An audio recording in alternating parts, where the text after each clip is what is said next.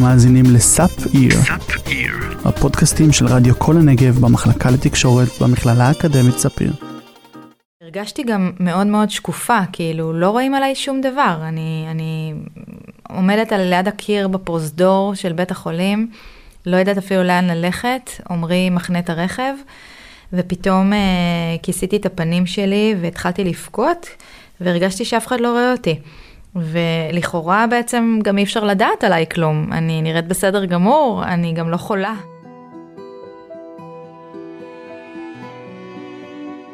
ובחרנו בחיים שאחרי.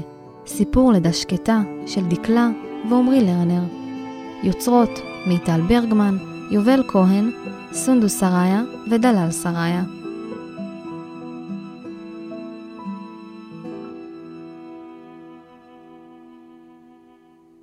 תחילת שבוע, יום רגיל לחלוטין, אה, ואני הייתי במשרד אה, בעבודה, וידעתי שהיום אני חייבת לתקתק הכל, כי אני בעצם יוצאת לבדיקה בצהריים, והיו לי המון סידורים בראש, והזמנתי כל מיני דברים, ותורים, והגבתי למיילים ופוסטים, דברים שאני אוהבת ככה לסדר לי את היום, ובאמת אה, ידעתי שאני בצהריים נוסעת לבדיקה, אני הראשונה אגב בתור, בשעה 4:00 תפסתי את התור הראשון כדי שהרופא יהיה עם מלוא כוחו אליי, וכשסיימתי את היום עבודה, שמתי אודם, התחתכתי והלכתי לבדיקה לראות אותי ואת הקטנצ'יק. ההיריון הזה הוא היה הריון שלישי, וככזה הרגשתי שזה בעצם סתם העמסה שאני מביאה את עמרי יחד איתי, ופתאום דווקא היום החלטתי שאני אומרת לעמרי אין צורך שתתלווה אליי, חבל על הזמן, ואני אעשה את הכל. ההסכם בינינו היה שאני בא איתה לכל בדיקה משמעותית, זאת הייתה בדיקה לא משמעותית. אה, הייתה אמורה לראות רופא לכמה דקות ללכת, אה, לא שום דבר אה, מעבר, אפילו לא אולטרסאונד, אז מבחינה זאת כאילו, לא, לא יושב לי בראש שום דבר אפילו על הדבר הזה, זה מבחינתי כמו ללכת לרופא משהו סתמי כזה. לא הרגשתי משהו שהוא שונה, ואפילו נהפוך הוא, כשסימסתי לעומרי, אה, מה, אם יש עוד איזה דברים שאתה רוצה שאני אקנה בדרך הביתה אחרי הבדיקה, אז הוא אפילו אמר לי את המשפט הבא, קורנפלקס, קבב ותינוק בריא. הייתה לי מין שלווה כזאת, אה, את, את הרגע הזה. הגעתי אה, לרופא בארבע, הוא אפילו קצת התעכב, אבל אני הייתי כזאת מחויכת ושהעולם יחכה כזה. הרופא אה, הוא מאוד פדנט כזה, הסתכלתי עליו ואמרתי, אה, וואו, איך הוא מסדר את העמדה שלו, איך הוא מנקה את הכל, הוא מחטא הכל, הכל היה כזה פיקס, והרופא עבר על כל התיק הרפואי, ואחרי שיח אה, לא קצר בכלל, כבר רציתי ממש לעלות למיטה, כאילו יאללה בוא נתחיל, אני רוצה לראות. אפילו עוד אמרתי לו, זו בדיקה וגינלית או חיצונית עם ג'ל על הבטן? אז הוא אמר לי, מה, מה קרה לך? את לא צריכה שום וגינלי, אנחנו כבר בהיריון מתקדם, רק אם נצטרך.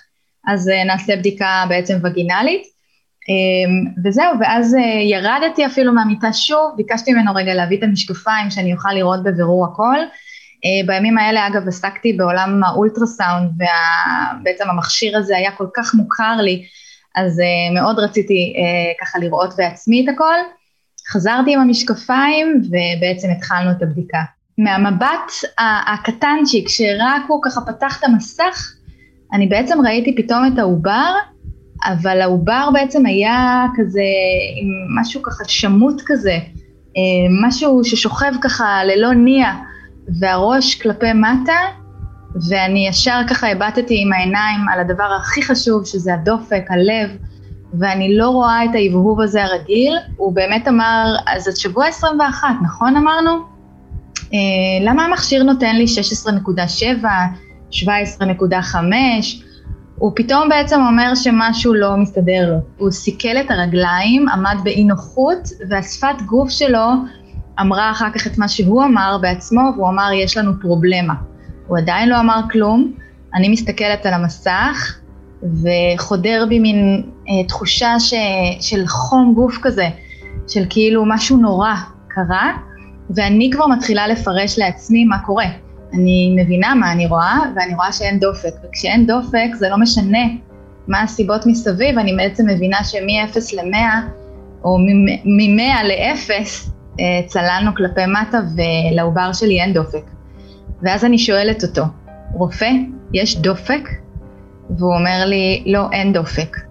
וזהו, ופה בעצם אה, ברור לי שאנחנו אה, סיימנו, מה שנקרא, את הבדיקה, ואני ממהרת לרכוס את המכנסיים, יורדת למטה, הוא כבר בעצם ניגש למחשב, וברגע הזה כמובן גם עובר לי, אוף, מה חשבתי לעצמי שאמרתי לעומרי לא להגיע, ואני מבינה שאני והרופא לבד, ואני מבינה שמעכשיו אה, השמיים נפלו.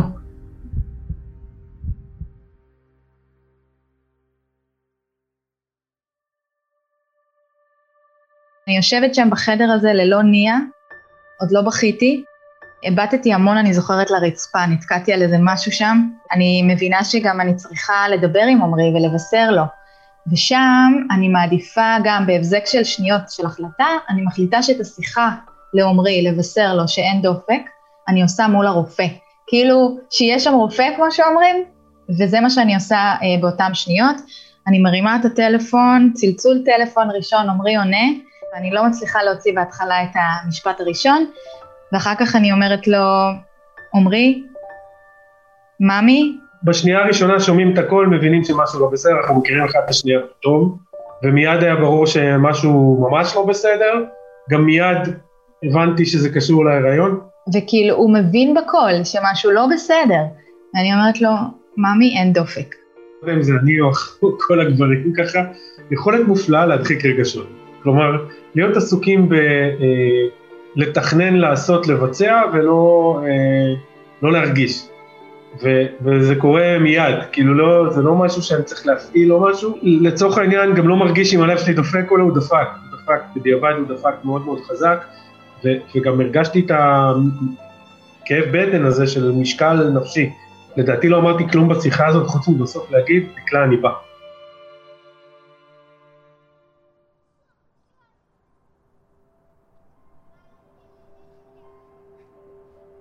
יש לי שתי בנות בבית, אחת אה, בת שלוש ואחת ממש קטנטונת.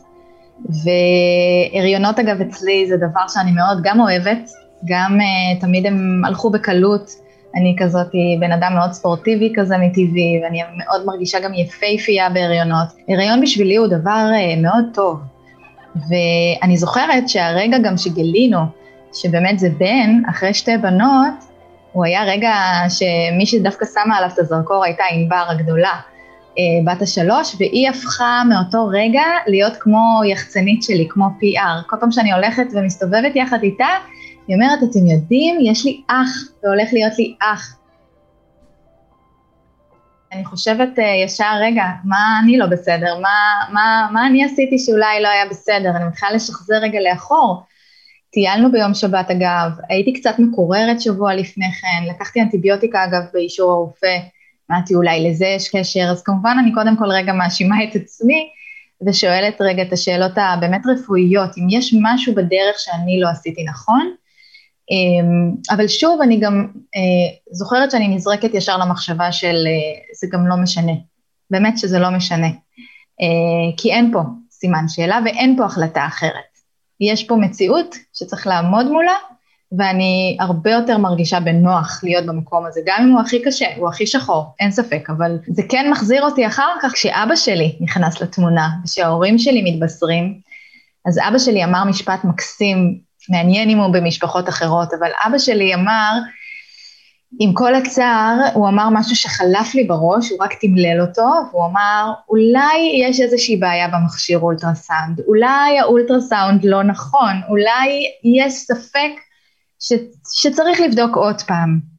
אז עמרי uh, עוד פעם על הקו איתי מתקשר, הוא אומר לי איפה אני נמצאת, שהוא יוכל לזהות אותי, ואני מתארת לו שאני עדיין בקומה 2, חדר צדדי, אבל אני בורחת, האמת היא, ככה דרך uh, מילוט כזאת, יורדת בקופת החולים, עוברת בין אנשים, הם לא יודעים מה עובר עליי ומה אני מחזיקה בבטן, אבל אני בעצם uh, ככה עובר לי בראש כזה של לעזאזל, איך הגעתי לזה, איך הגעתי לכאן, איך, מה, מה, מה אני עושה פה? ואז אני ממש יוצאת אה, במהרה למטה, ולמטה זה אומר ממש החוצה, אני ממש צריכה לנשום, אה, שם העיניים כבר מאוד אדומות, ואני לא כל כך מתביישת שרואים אותי עם עיניים אדומות, אני רק מפחדת שלא יראו אותי מישהו שמכיר אותי, שלא יעכב אותי, היעד הוא פשוט לצאת ולחכות לעומרי ושכבר יגיע. לי מאוד ברור שברגע שדקלה מגיעה, צריך לחבק אותה, אני צריך לתמוך בה, אני צריך ללכת עם מה שהיא רוצה, צריכה, חושבת. אני חושב שהרגע הזה, רגע לפני שירדתי מהאוטו של אבא, לא היה לי ברור באיזה מצב אני פוגש את דקלה. כאילו ממש חרדה של רגע, מה הולך לקרות עכשיו? ירדתי מהאוטו ואמרתי לאבא, אל תחכה סע. כאילו לא רציתי שהוא יהיה שם כשדקלה באה או שאני פוגש אותה. ואז באמת עמרי, אה, בלי לדבר ובלי לשאול, אה, ישר אה, מוצא אותי, ומתחיל לרדת גשם אנגלית, ואני מתערבבת ככה עם הדמעות והגשם. נראתה לי קצת אבודה, כאילו בעינה, כאילו אבודה. היא גם, היא גם, אני לא יודע כמה, כמה לפני שהגעתי לשם היא יצאה החוצה, היא הייתה בגשם. אז היא הייתה גם כולה רטובה. ואז אני רואה את עמרי יוצא מהאוטו, צועד אליי במדרכה, וכמו שפוגשים את האדם הכי קרוב והכי, אה, שאני צריכה ברגע הזה, אנחנו ממש אה, מתחבקים, ואני מחבקת את עמרי אה, אליו, הוא גם כזה, כזה שמחבקים וזה נורא כיף. ואני פשוט רוצה להיכנס לגוף שלו ולהיעלם. ואז אני בעצם ממש ככה שואגת בבכי. לחבק, לחבק, לתת את התחושה שיהיה בסדר, שאנחנו יחד פה, אה, אין פה מילים, אין פה, אין פה צורך גם למילים. ואני חושב שעמדנו הרבה זמן עם חיבוק, גם, גם התפרצה, החזיקה, החזיקה את כל, ה, כל הרגשות בפנים במרפאה, אז היא בכתה ככה, לדעתי, כמה דקות. כשהיא נרגעה אז יכולנו להתחיל לדבר. אבל שוב, מרגע שאני עם דקלה שם, ברור לי שהתפקיד העיקרי שלי זה לשים אותה במרכז, לתת לה את התחושה שאני פה, שיהיה בסדר, שנעבור את זה יחד, שהיא לא לבד, לצאת מהמקום הרגשי קצת ולנהל את האירוע, מה שנקרא, להחליט איך ומה עושים. הרופא נשים אומר לי לעלות מהר לבית החולים, ואני אומרת, אין למה למהר, אין פה, אין פה דופק, ואוקיי, רגע, תן לי להתאפס, תן לי רגע לארגן את עצמי. ועמרי כבר בא עם דברים אה, מוכנים, והוא אומר שהוא דיבר עם אבא שלו, ודווקא אבא שלו אה, בעצם שם את הדגש עליי. ופה אני מבינה שאוקיי, אז אין דופק, אבל רגע, הפוקוס הוא לא על העובר, הפוקוס הוא בעצם עליי, אני צריכה להישאר אישה בריאה. ואם אנחנו בעצם אה, מעריכים שאולי העובר היה אצלי אולי שבוע, שבועיים, אה, כבר ללא דופק, אז בעצם יכולה להיות פה סיכון עבורי. ואז אני אומרת, רגע, מי, מי יעבור לילה ככה? אולי אני כבר אעשה את זה עכשיו. ומה שבטוח זה שצריך ממש להתארגן ללידה, וזה אומר תיק, זה אומר לארגן את הבנות, זה אומר לארגן את כל האופרציה סביבם, אבל אני גם אגיד באותה נשימה, שבניגוד אולי לאירועים אחרים, שאנחנו יכולים לחשוב עליהם בעולם האבל, אני לא לבד. זה אבל שהוא נמצא יחד איתי, שזה עמרי גם. עמרי ואני ביחד, אני לא לבד שם לרגע, הוא גם כל הזמן בודק לי את הדופק, אם אני אשתמש במושג הזה. כל הזמן מסתכל ועוקב אחריי בעיניים שלו, אני גם מכירה אותו, הוא יודע לעשות את זה בהיחווה כזה, ולדאוג שבאמת אני חזקה, אבל חזקה על אמת. הגענו הביתה, אגב פיזית הרגשתי מעולה, הרגשתי טוב, הרגשתי חזקה, ויש איזה אדרנלין שכנראה זורם ברגע הזה, כל, ה, כל המוח עובד, הכל, ויש לי כבר ניסיון, אם אפשר להגיד, אה, בשתי לידות שהסתיימו בחירום, ואני פשוט מתחילה במוד של אה, לארגן את התיק, אני זורקת לתיק לידה כל דבר שיכול אה, בעיניי להיות נכון, ואני זוכרת שזרקתי ארבע תחתונים של סבתא כאלה, תחתוני סבתא כאלה שלא כואב לי עליהם, ואני זוכרת שאני לוקחת פיג'מה מדרגה נחותה, כי חלילה זה משהו שהוא אה, לערב אה, קשוח, לא מהביוקר, אני מארגנת לי ככה תיק כלי רחצה ועם דברים כיפים כאלה. כאילו ניסינו לעשות איזו אריזה קלה ומהירה כזאת יחסית. אני זוכר שנורא הצחיק אותי שדקלה הייתה חייבת קופסת עוגיות, שזה לא הבנתי למה. בשבת הזאת שבאמת טיילנו, אז בדיוק היה אה, יום האישה הבינלאומי, זה יום הפטירה של סבתא שלי. ותמיד, אה, לא יודעת מה, מה נפל עלינו דווקא השבת, אבל אה, הייתה קופסת עוגיות, ש, שסבתא שלי תמיד מאוד אהבה את העוגיות האלה, זה עוגיות יוגוסלביות, עם קופסה מקסימה כזאת מפח, וממש בהבזק של שנייה, אני פתאום, ממקום שאני ממש לא סובלת לארגן תיקים, אני ממש מרגישה שמה שאני אכניס לתיק בדרך ללידה, ולבית החולים ולאירוע מהסוג הזה, יכול רק לשפר לי מצב רוח. אז גם הקופסה של העוגיות נכנסת לשם, והיא כמעט אגב במלואה, אז uh, אני הולכת לחגוג, ואני uh, מבינה שזהו, כאילו אין, סיימתי לארוז, אין מה למשוך את הזמן, ויאללה הפועל, נכנסים לאוטו, נוסעים. כאילו נכנסנו לבית במטרה לארוז ולצאת, לא היה לא היה דיליי שם, לא היה אה, משהו כזה. אה, פשוט כשהרגשנו שארזנו הכל, נכנסנו, נסענו, אה, ערב, חורף, חשוך כבר, גשם ערפל, באזור שלנו גם ערפל כבד. אה, אני חושב שנסעתי נורא לאט. ויש איזה מין, אה, מין שקט אחרי סערה ראשונה ו, ורגע לפני סערה שנייה, והסערה השנייה תהיה בבית החולים, כשאני בעצם אלמד על בשרי מה אני הולכת לעבור, אבל השקט הזה בעצם מופר מאוד מאוד מהר, אני מקבלת אס.אם.אס מאימא שלי.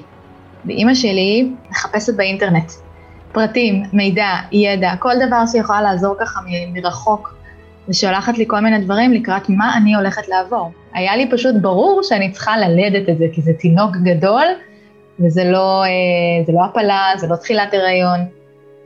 ובעצם כשאני פותחת את, ה, את הפלאפון, ומה שאימא שלי שלחה לי, אני פעם ראשונה בנסיעה פוגשת את המושג לידה שקטה.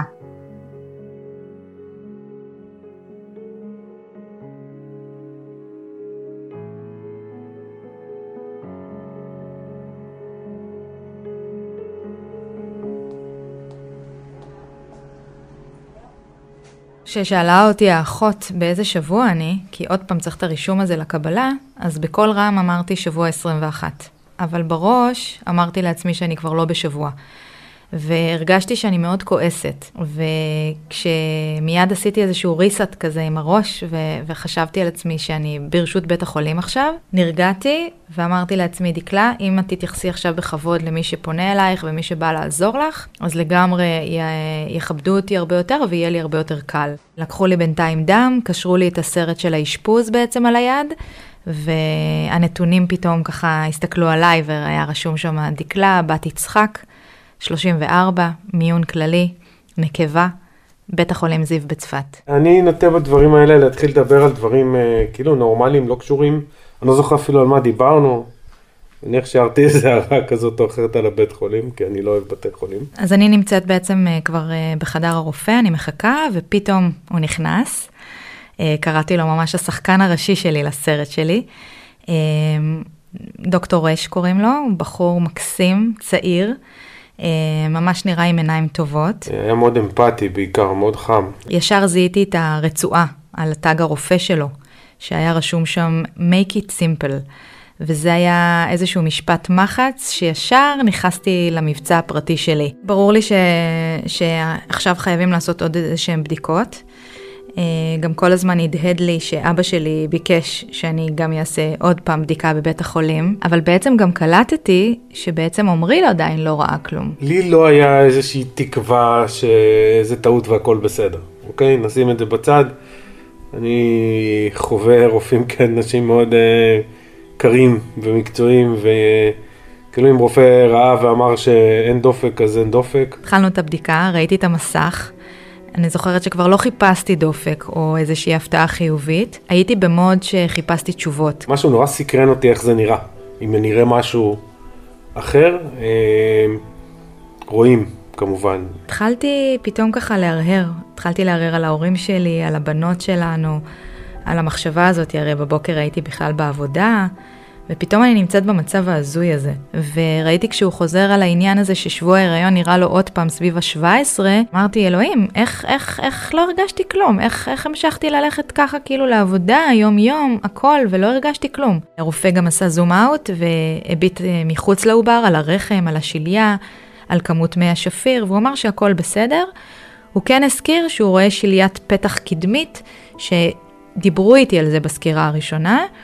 ובאמת הוא הוסיף שהוא רואה שכמות המים תקינה, הרחם בסדר, אבל העובר ממש צף לו בתוך הרחם וכבר יש היפרדות של שליה.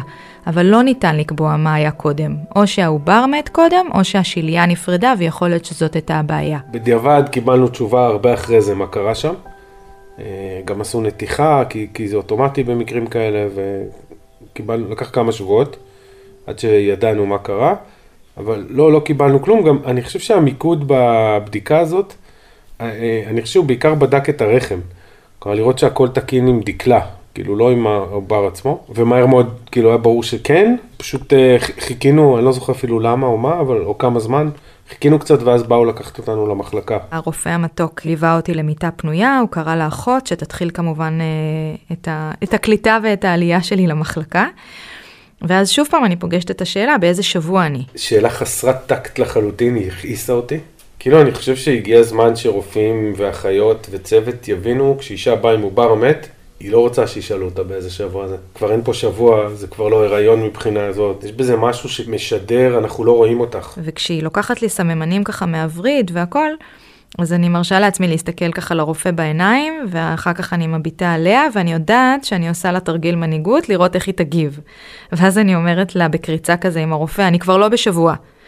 ואז היא עצרה, היא הבינה, והרגשתי שכאילו, יאללה, מתחיל להיות פה מין צוות כזה, והיא קלטה אותי והוא קלט אותי, והייתה איזושהי הרמוניה כזאת. יש פה מין לא נודע כזה, אבל הוא, כאילו, ברור לי מה התהליך, ברור שזה זירוז, ברור שזה בעצם לידה.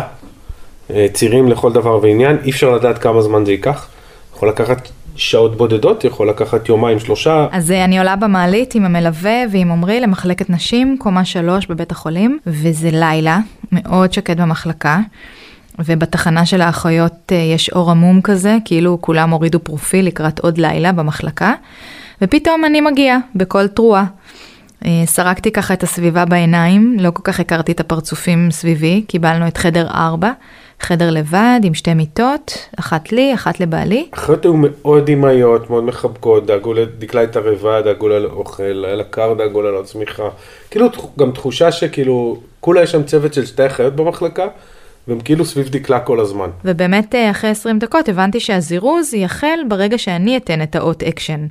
ואז אחרי שהתארגנתי לי קצת, אז נתתי את האות פתיחה ואמרתי לעומרי ואחר כך גם לרופא ולאחות המתוקים, שיאללה, אני, אני מוכנה. הוציאו את עומרי מהחדר, הם ביקשו שאני אשכב על המיטה.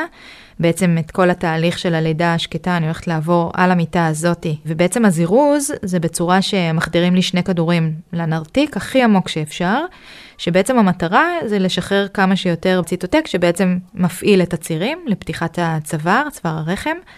ו- וכבר הכרתי את זה, גם במושגים של, לידות רגילות.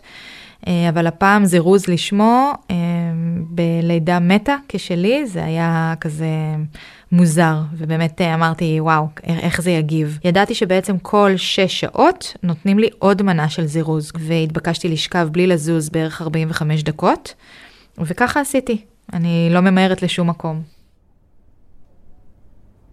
בלילה ניסיתי לנמנם במיטה, אין פה הרבה מה לעשות, זה באמת לחכות לצירים. לא ישנתי בדיוק, אבל ככה הרגשתי כזאת אפופה, והתחלתי להרגיש התכווצויות שלא לא גרמו לי כזה לחוסר היכולת לנשום, אבל הם הציקו לי מאוד. עמרי גם ישן על המיטה לידי עם הנעליים, ממש במצב היקון כמו במילואים, זה היה ממש אה, סוריאליסטי. ובשלבים מסוימים, כשהנחירות של עמרי ממש הפריעו לי, אז הערתי אותו. אבל בעצם מהר מאוד הבנתי שמה שבעצם מפריע לי זה לא הנחירות, זה בעצם הקיבוצים והכאבים בבטן של הבטן התחתונה. ואז אמרתי לו, עמרי, נראה לי שתקרא לאחות לחדר, זה נראה לי צירים. באופן יחסי ללידות בריאות בסוף הריון, צירים פחות חזקים, משמעותית. אה, מורגש ההבדל. הרגשתי כזה שאני מעירה את כל הבנות במחלקה, גם זה שוב, זה לא חדר לידה. האחות ועמרי הסתכלו על השעון וידעתי שהם כבר מכינים לי את הכדורים של הפעימה השנייה, כי אנחנו כבר uh, uh, מסיימים כבר את השש שעות. ואז uh, האחות uh, לקחה את הכדורים, הפעם זה בעצם בפה, זה צמוד חניכיים כאלה. אני לידה, כמה שאפשר תומך ועוזר. אחות מדי פעם חוזרת לבדוק איפה זה עומד. בעצם הלידה ממש ממש פעילה וזה כבר כואב, והאחות ראתה גם את הפנים שלי, ואז היא אמרה לי, חבל סתם לכאוב לחינם, אולי תקחי פטידין, שזה ככה מטשטש. ונמנעתי מזה כי אני זוכרת מהמון סיפורים שהרבה פעמים בזירוזים ברגע שלוקחים את הפטידין זה יכול אולי להאט וגם ככה זירוז זה לא דבר שאני כל כך ידעתי איך לעבוד איתו. ובגלל שבלידה עם גל עברתי לידה שלמה בלי אפידורל ולמדתי גם כמה כוח סבל יש לי, אז היה ברור לי שאני לא הולכת לעצור או להאט את ההתקדמות, אני לא לוקחת את הריסק, והיה לי חשוב אה, להתקדם עם התהליך הזה. ואז החלטתי שאני מבקשת ממנה רק אופטלגין ולא יותר. ואז אה, קודם כל אה, מרגישים כזה כמו איזה מין משקולת כזאת חמה במרכז הבטן, והאופטלגין גם מאוד עוזר אה, לכל הכאב מסביב, ונשאר מין רק כאב כזה ולחץ אה, בתוך הבטן. ואז פתאום כמה דקות אחרי, אני פתאום מרגישה מין לחץ אדיר כזה, ובום, ירידת מים חמה. מים מאוד חמים, מחמם את הכל, מין כמו שיטפון כזה, נעים, בלתי נשלט אגב, וזו כמות מאוד מאוד גדולה, ואז האחות, לפי התיאורים שאני נותנת, מרימה את השמיכה מעליי, אני מן הסתם עם רגליים פסוקות, היא בודקת בין הרגליים מה מתקדם, ואז החיוך מתפשט על פניה, והיא כזה אומרת וגם מרגישה ואומרת לי, איזה יופי, הנה אנחנו מתקדמים, ואז אני שואלת את האחות, אוקיי, ומה עכשיו? ואז היא אומרת, חכי, חכי, יש לך עוד זמן, עכשיו את רק בפתיחה של 1-2, את כבר יודעת מה זה. עכשיו נתקדם לכיוון של הפקיעה של הפקק הרירי, כלומר דם. פתאום ציר אחד ענק, אני מוודא שאיתה, שאפשר באמת ללחוץ, כמו שראיתי בבייבי בום, ואז האחות אה, אומרת לי, כן, כן, את יכולה ללחוץ, ת, תלחצי חזק, כמו שעושים קקי, אל תלח... כאילו, אל תפחדי. וידעתי, או הייתי לפחות מודעת לפרצוף הלא הכי יפה שאני עושה, ואז בבת אחת אני מרגישה את התינוקי שלי יוצא בשלמותו, ממש. כאילו, ארוך, חם, רך מאוד, כאילו בבת אחת יוצא ממני כמו שיגור של טיל. ממש חתיכה אחת וזה יוצא, ואני צועקת לאחות ולעומרי, זה יצא, זה יצא. ואז היא מרימה את השמיכה, והפנים שלה אה, מבשרות שהיא לא רק רואה את הפקק הרירי, אלא זה באמת אכן הוא. כאילו, זה לא פקק ולא נעליים, זה ממש כולו. ברגע שעובר יצא, היה לי חשוב לראות, ו- ו- וגם היה לי חשוב שדקלה לא תסתכל. זה משהו שהוא, אם לא מוכנים לו, אם לא יודעים שזה ככה נראה, אם לא מבינים ש... זה יכול להיות מאוד מאוד אה, אה, מפחיד. זה היה נורא קטן. בגדול, משהו כזה, 20-25 סנטים, לא יותר. ראיתי מיד מה הבעיה, כלומר, איכשהו יצא, החבל טבור היה כרוך לו איזה פעמיים סביב הצוואר. כלומר, היה לי ברור שכנראה מזה הוא מת. לא ציפיתי לדע, לראות את זה באופן כזה ברור. ואני מדמיינת אותו די בצבע כהה כזה, אולי שחור, אה, עם קווי מתאר ככה, את יודעת, ברורים, לא ברורים. אמ, אבל אני מיד מחליטה שאני לא רוצה לראות אותו, אה, אני לא רוצה להיפרד ממנו ככה. הוא לא בריא והוא כבר מת למעלה משבועיים ועדיף שלא. אה, עמרי כן סיפר לי אחר כך שכיסו אותו, שמו אותו בסוף המיטה. והשלב הבא זה שלוקחים את העובר בעצם. יש עוד כמה דחיפות של השלייה וכאלה. והצירים היו עדיין חזקים, הם גם לא נגמרו. אבל אני לעומת זאת הרגשתי שזה עדיין בין הרגליים שלי ומין כזה כאילו... מצד אחד זה לא מפחיד אותי, אבל גם לא מגעיל אותי, כי הוא שלי, לטוב, לרע, הוא שלי. אפילו הוא חם וטרי, ואני שמחה שזה עדיין איתי פה, ואנחנו עדיין לא נפרדים באמת. ואז האחות יצאה, והיא גם קראה לרופא עוד פעם, ואז לפני כן היא פתאום מסתכלת רגע עליי עוד פעם, ואז היא אומרת, תוציאי, תוציאי את הכדורים מהפי, אני לא צריך אותם, את עשית את זה. הופתעתי, עבר נורא מהר. ואז אה, בעצם אה, אחות צעירה נכנסה לחדר, אה, בזמן הלידה והצירים, והיא גם נתנה לי תחושה שהיא כל הזמן רוצה ללמוד ולחקור את הדברים וכולי, ואז הרגשתי צורך להגיד להם, תסתכלו על זה בנוח, כאילו הכל בסדר, אתם יכולות להיות פה. גם הרופא הסתכל רבות. וכל הזמן העיניים שלהם היו מאוד חוקרות, אבל גם נגאלות כאחד. וחשבתי לעצמי, טוב, הוא באמת מת, מה חשבתי לעצמי? זה לא צריך להיות דבר יפה. גם זה לא נראה לי חריג ש... רופאים מסתכלים, אני לא יודע כמה לידות שקטות הם חווים ובאיזה שבועות וכדומה, אבל כאילו ההנחה שלי זה שזה לא משהו שהם חווים ברמה נורא אינטנסיבית. בינתיים נכנסו שתי אחיות, הביאו איתם סכין מיוחדת, וזה בעצם היה השלב של חיתוך חבל הטבור.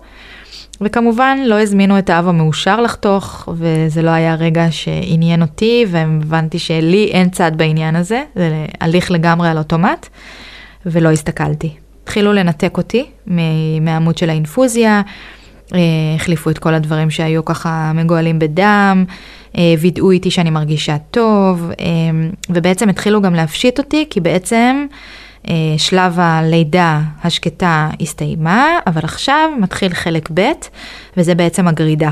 והגרידה זה בעצם לעבור לחדר ניתוח, זה המחלקה תמיד הנמוכה והתחתונה של הבית חולים. אה, ובעצם הגרידה זה בעצם לנקות ולוודא ששום דבר לא נשאר ברחם, שכל השליה יצאה, שהרחם נקי מהכל. לדקלה תמיד קר כשמגיעים לשלב של חדרי ניתוח, בסדר? אה, חוויה שחוזרת על עצמה כל לידה. אה, א', כי חדר ניתוח קר, ב', אני חושב שיש משהו ב... אה, לא יודע, הורמונים, חומרים שמשתחררים בגוף סביב הלידה שגורם לתחושה הזאת יותר להקצין. עמרי מלווה אותנו לקומת הקרקע, חדר שגם עברתי בו לפני שנתיים וחצי את הלידה של הקיסרית אה, גל. זה כמובן היה חמש שעות של לידה פעילה, ללא אפידורל, ושם לפחות זכיתי לתמורה. אז פתאום הדרך הזאת הייתה גם מצד אחד מוכרת לי, אבל בדיוק ההפוך של זה. כניסה מול החדרי ניתוח זה מין, לפחות בצפת זה מין הול יחסית גבוה, יחסית גדול, הוא ריק, הוא חשוך. אה, אין שם צוות או משהו, וגם לא היה אור, כלומר, אה, האור היה בתוך החדרי ניתוח דלוק, אבל לא, לא במסדרונות. ועברנו מין שלוש דלתות כאלה עד לחדר של אה, לפני כניסה לניתוח. גם ראיתי את השם שלי, ד' כ' 9221 לפני הניתוח על הצג, הבנתי שזאת אני. ואז אה, כמה דקות אה, של המתנה, ופתאום גם הרופא שלי וגם המרדים שהעירו אותו הגיע, ועוד רופא שהוא כנראה בעצם אה, מנתח. ופתאום אני רואה שמה... מה שעברתי במחלקת נשים, והיו סביבי בעיקר האחיות, ועומרי, פתאום שלושה גברים לבד. נורא נורא הפריע לי שלא נתנו לי להיכנס. ניסיתי להיכנס איתה, להיות שם איתה, ו- ולא היה אפשר. מכל התהליך הזה, זה היה שלב שבו אה, בעצם היחיד שהרגשתי שאני אני לא יכול להיות חלק מה, מהדבר הזה שהיא עוברת. ובדיעבד זה גם, כאילו הייתה לה חוויה שם קשה. אני חושב שכשאישה מגיעה לניתוח, בטח בנסיבות האלה, חייבת להיות שם אישה בפנים. לא יכול להיות שיש שם רק גברים.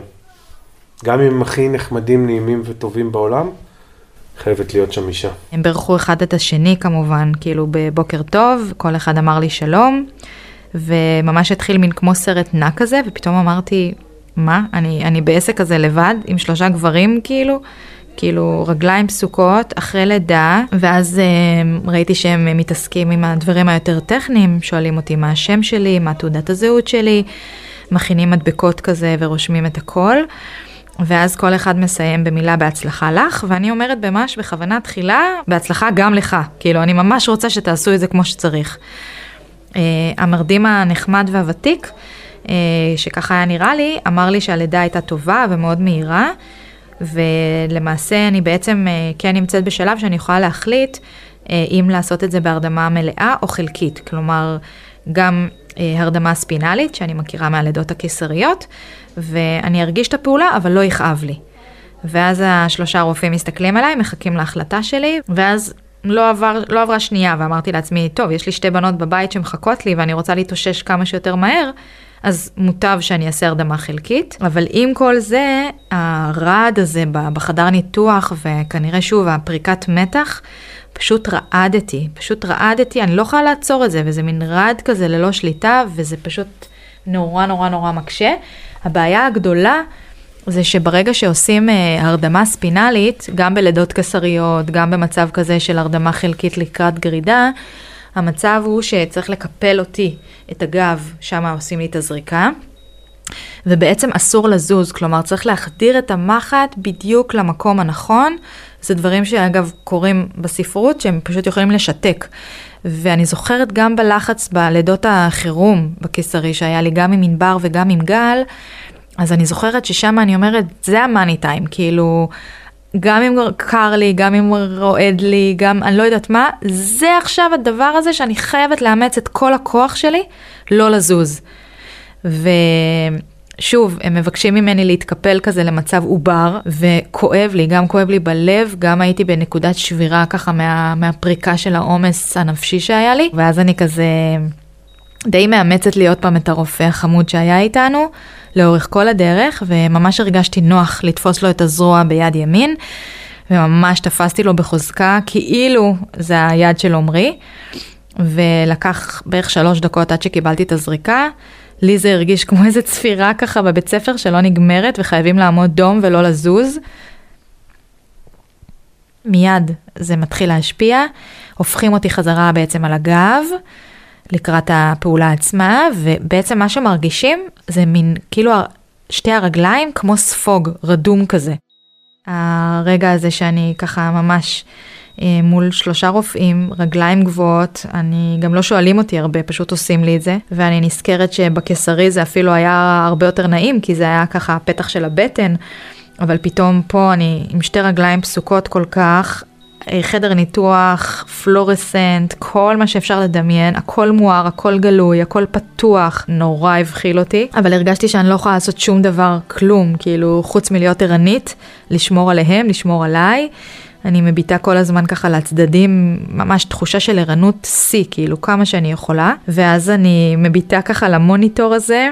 אה, מדגם סיני שהכרתי אותו ואני ממש ממש ממש עוברת על כל המדדים שלי. גם אני כל הזמן אומרת לעצמי שהוא היחיד בחדר גם שלא יכול לטעות, כאילו זה, זה מכשיר, זה רובוט. והוא בעצם מנדב לי את המידע ואני מבינה כל הזמן איפה אני נמצאת. התהליך בערך לקח כ-30 דקות של גרידה. אה, ובחמש אה, בבוקר אני מבינה שזה ממש עומד להסתיים.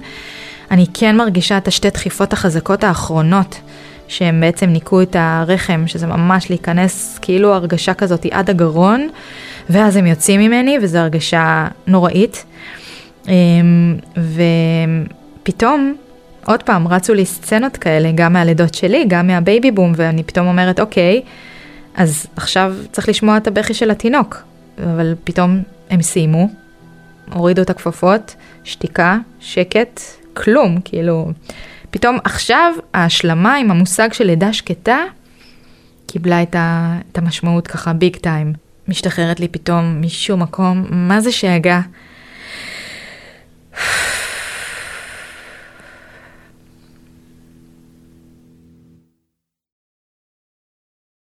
אנחנו מגיעים הביתה ואנחנו ככה נשארים עוד איזה חצי שעה באוטו, אין לחץ, אין איזה משהו שמאיץ בנו לזוז. וזהו, ואני מתחילה להבין שזהו, מתחילים לחזור לשגרה. קלה שסיימנו עם החלק הזה. אה, פה, כאילו החלק הרפואי הוא מבחינתי זה מקום של סיכון. אה, כל השאר אני יודע ש... כאילו ברור לי שאפשר להתמודד איתו. ואנחנו מוצאים את עצמנו בשיחה על ענברי. ועל איך יהיה כשהיא תחזור. כי היה לנו ברור שענבר היא זאת שתיקח את זה הכי קשה, שלה יהיה הכי קשה עם זה. היא נורא רצתה אח, היא, דיברה על זה כל הזמן, היא סיפרה לכולם, היא הייתה גאה בזה שהולך להיות לאח. אני רואה שאומרים מותש, אבל מאותת שהוא ככה, שהוא בסדר. ועמרי אמר לי בקול רם שהייתי מדהימה, ואני גם מחזירה לו בתודה גדולה גדולה גדולה, וזה ברור שזה ברור, אבל צריך להגיד את זה בקול רם. זה הליך זוגי כל כך כל כך חזק. ובלי עמרי שכל הזמן בדק אותי והיה איתי ושמר עליי, זה היה אחרת. ענברי מגיעה הביתה, בינתיים גם אה, אימא של עמרי מגיעה, יעל, והיא הגיעה איתה מהגן בעשרה לארבע, ואז אנחנו מחליטים שזה הזמן לספר לענברי. יעל אה, נשארת עם גל בסלון, אנחנו בעצם אה, ככה מבקשים מענברי שתבוא איתנו לחדר ושואלים אותה איך היה לה. ואז אנחנו מספרים לה שיש לנו משהו חשוב לספר. עמרי ככה מתיישב על השטיח מול המיטה שלה, אני גם לצידה, והיא יוש... יושבת כזה בפנים בוגרות, כאילו היא לא יודעת מה אנחנו הולכים להגיד לה. ועמרי מאותת לי ככה שהוא לוקח פיקוד על התפקיד של המספר, ואני מסמנת לו סבבה, בטח, קח פיקוד. כאילו זה היה משהו ברמה מאוד מאוד בסיסית, של הוא הרגיש לא טוב, ועלינו לבית חולים והוא נפטר. כאילו זה פחות או יותר רמת שיחה שהייתה שם. שתקנו, נתנו ככה למידע לחלחל, חלפו כמה שניות ואז ענבר ענתה בחזרה כאילו היא מבינה. ואז היא אמרה, אז הוא מת? ענבר לא הבינה. היא לא לא הבינה מילולית, היא הבינה מילולית. היא לא, כאילו לא הייתה שם תגובה, לקח יום יומיים עד שהיא בכתה. היא שאלה, אני יכולה לתת לו עדיין שם? אז ענינו, ברור, בטח, את יכולה לתת לו שם? ואז היא שאלה אם אפשר עדיין להמשיך לקרוא לו קישו. כי ככה זו הצורה האחרונה שהמחשתי לה באיזה צורה העובר נמצא, וככה דיברנו על זה בימים האחרונים. ואז היא וידאה איתנו עוד פעם, והיא אמרה, ולא תצחקו עליי בשם שאני אבחר? אז אמרנו לה, לא, מה פתאום, זה השם שלך ורק את בוחרת. ואז היא אמרה לנו שהיא בוחרת בשם טל. בסך הכל לא הייתה ילדה גדולה, עדיין אה, גן. ואז אחר כך אמרנו לה מיוזמתנו, שאנחנו מאוד עצובים, אנחנו ממש מרגישים כאב. ואז היא הרגישה, ואז היא משיבה לנו, לי לא כואב את הבטן, אבל כואב לי בלב. ואז פתאום היא שחררה משפט שהסתכלה על כולנו, לא נורא, אבא ואמא יעשו לנו עוד אחד. ופשוט כולנו נשפכנו מדמעות.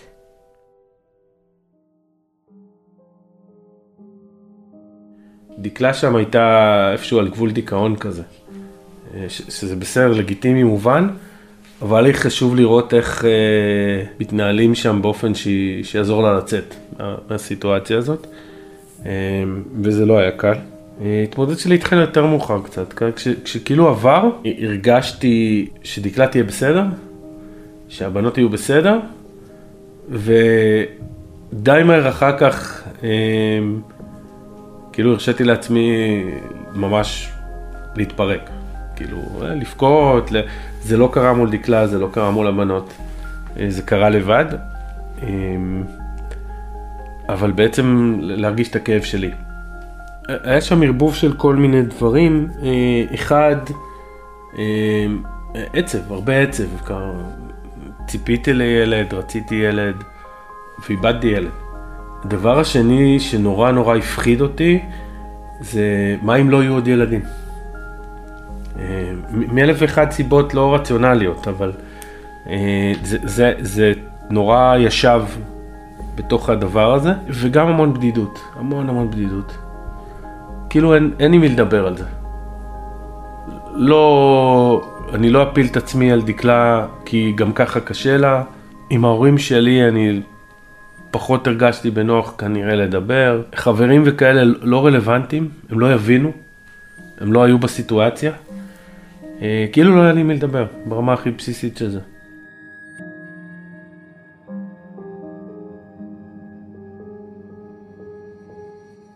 לי היה ברור מאוד מהר שאני רוצה עוד ילד או ילדה. כלומר, רציתי שלושה ילדים, לא מוותר על שלושה ילדים. הרגשתי פתאום שכאילו, מה הריון, מה זה, רגע, אני צריכה להירגע מהכל. ובעצם אה, זה קרה מעצמו, כי לא יכולתי לכוון את זה, אבל אמרתי לעומרי גם שאני ממש מרגישה שאני צריכה לעשות רגע מין פוס משחק לגמרי, ואני אודיע לו כשאני ארגיש מוכנה. גם לי לקח אה, לדעתי כמה חודשים טובים, בטח יותר מחצי שנה להרגיש שמבחינתי זה בכלל בסדר. אבל גם אז אה, זו שיחה שהייתה לי עם עצמי. כאילו היה ברור שאני מחכה למקום שדקלה תשאל, או, או תשים את השאלה על השולחן. ושלפני זה אני לא נוגע בזה. בסוף בסוף בסוף כשמחשבים את הכל, אז uh, לקח בדיוק שנה, ורק אחרי שנה פתאום, ממש בוקר אחד, פשוט הרגשתי שזהו. זה היה, פתאום אחר כך בדיעבד חשבתי שזה ממש שנת אבל, וכנראה היהדות עושה את שלה כנראה. והרגשתי שבעצם אפשר לשחרר, אנחנו יכולים uh, באמת uh, לחשוב על הריון נוסף, וכשחשבתי על זה, ושבאמת הייתי כאילו מוכנה לזה, אז באמת לא לקח יותר מחודש וזהו, כאילו נכנסנו להיריון מחדש. נכון, זה יותר משמח, זה רגע מאושר. אבל הוא גם מלווה בהרבה יותר חרדות מאשר כל הריון קודם. ידעתי שהולכת להיות אה, מסכת של הריון לא פשוטה, אה, גם מנוכח ההגדרה של סיכון, והיריון בסיכון, הרבה יותר בדיקות, הרבה יותר לחץ. כל מיני דברים קטנים, סתם מההחלטה שהיא יותר לא הולכת לבדיקות לבד. שלא תהיה סיטואציה שאם קורה משהו, היא שוב תהיה שם לבד. החלפתי את הרופא לרופאה, החלפתי את הקופת חולים. סיפרנו על ההיריון בשלב הרבה יותר מוקדם. מבדיקה לבדיקה זה היה כזה לסמן וי. הנחת רווחה ולהרגיש uh, טוב, כאילו יופי, מתקדמים, יופי, יופי, יופי. ענבר בהתחלה שסיפרנו לה שאנחנו בהיריון שוב, היא, היא נכנסה ממש לחרדות. אני זוכר כאילו שהיו נקודות שהייתה באה, הייתה מצמידה את האוזן לבטן של דקלה, כאילו... כאילו היא רוצה לשמוע שהעובר בסדר, משהו כזה. יש שם הרבה חששות, גם מההיריון עצמו, אבל גם שזה עלול למחוק את הזכר של ההיריון שלא הצליח קודם. אה, מצד שני, הרבה אושר, אושר על אה, עוד ילד או ילדה שבאים, על... גם גאווה מסוימת על זה שלא לא, לא נתקענו בחוויה של הלידה השקטה, שכאילו המשכנו קדימה. בכל uh, תרועה הגיעה uh, בת, uh, כן האמת היא לא היה לי ספק שזה כבר לא יהיה בן וזאת הייתה בת זה ממש לא הפתיע אותי. חשבנו על מדרש השם אחרי כזה אירוע. לנו היה ברור שזה יהיה שם שקשור לאושר. ואני שלפתי מאור. היא נקראת מאור מתוך ציפייה, כלומר זה לא ש... אה, היה לנו איזושהי תחושה על אופי, על, על משהו. אה, עם ענבר אהבנו נורא את השם ענבר, שנינו הסכמנו עליו די מהר, גל בכלל לא הייתה דילמה, היא עשתה גלים בבטן כל ההיריון, אבל למאור לא היה איזה משהו שיכולת לשים עליו את האצבע, כאילו זו הייתה החלטה שהיא נטו קשורה ללידה השקטה לקרוא לה מאור. לפעמים אני גם תוהה כמה זה שם עליה מטען. אה, של רגש כזה או אחר, או של ציפיות כאלה ואחרות. יאמר אה, לזכותה, היא לגמרי ילדה של עושר. פשוט מאור הגיעה והיא הייתה הכי מוארת, הכי יפה, ממש כמו מתנה מוכנה. ביקשנו מענבר לבחור את השם השני. אה, וזה מהסיבה שבאמת היא כל כך הייתה בתוך כל הדבר הזה והרגשנו צורך גם לשמר את הזיכרון אבל גם בדרך יפה והיא בחרה בשם תמר. וזהו, וככה כתוב, שני ל-11, 2015, שנה אחרי, מאור תמר לרנר.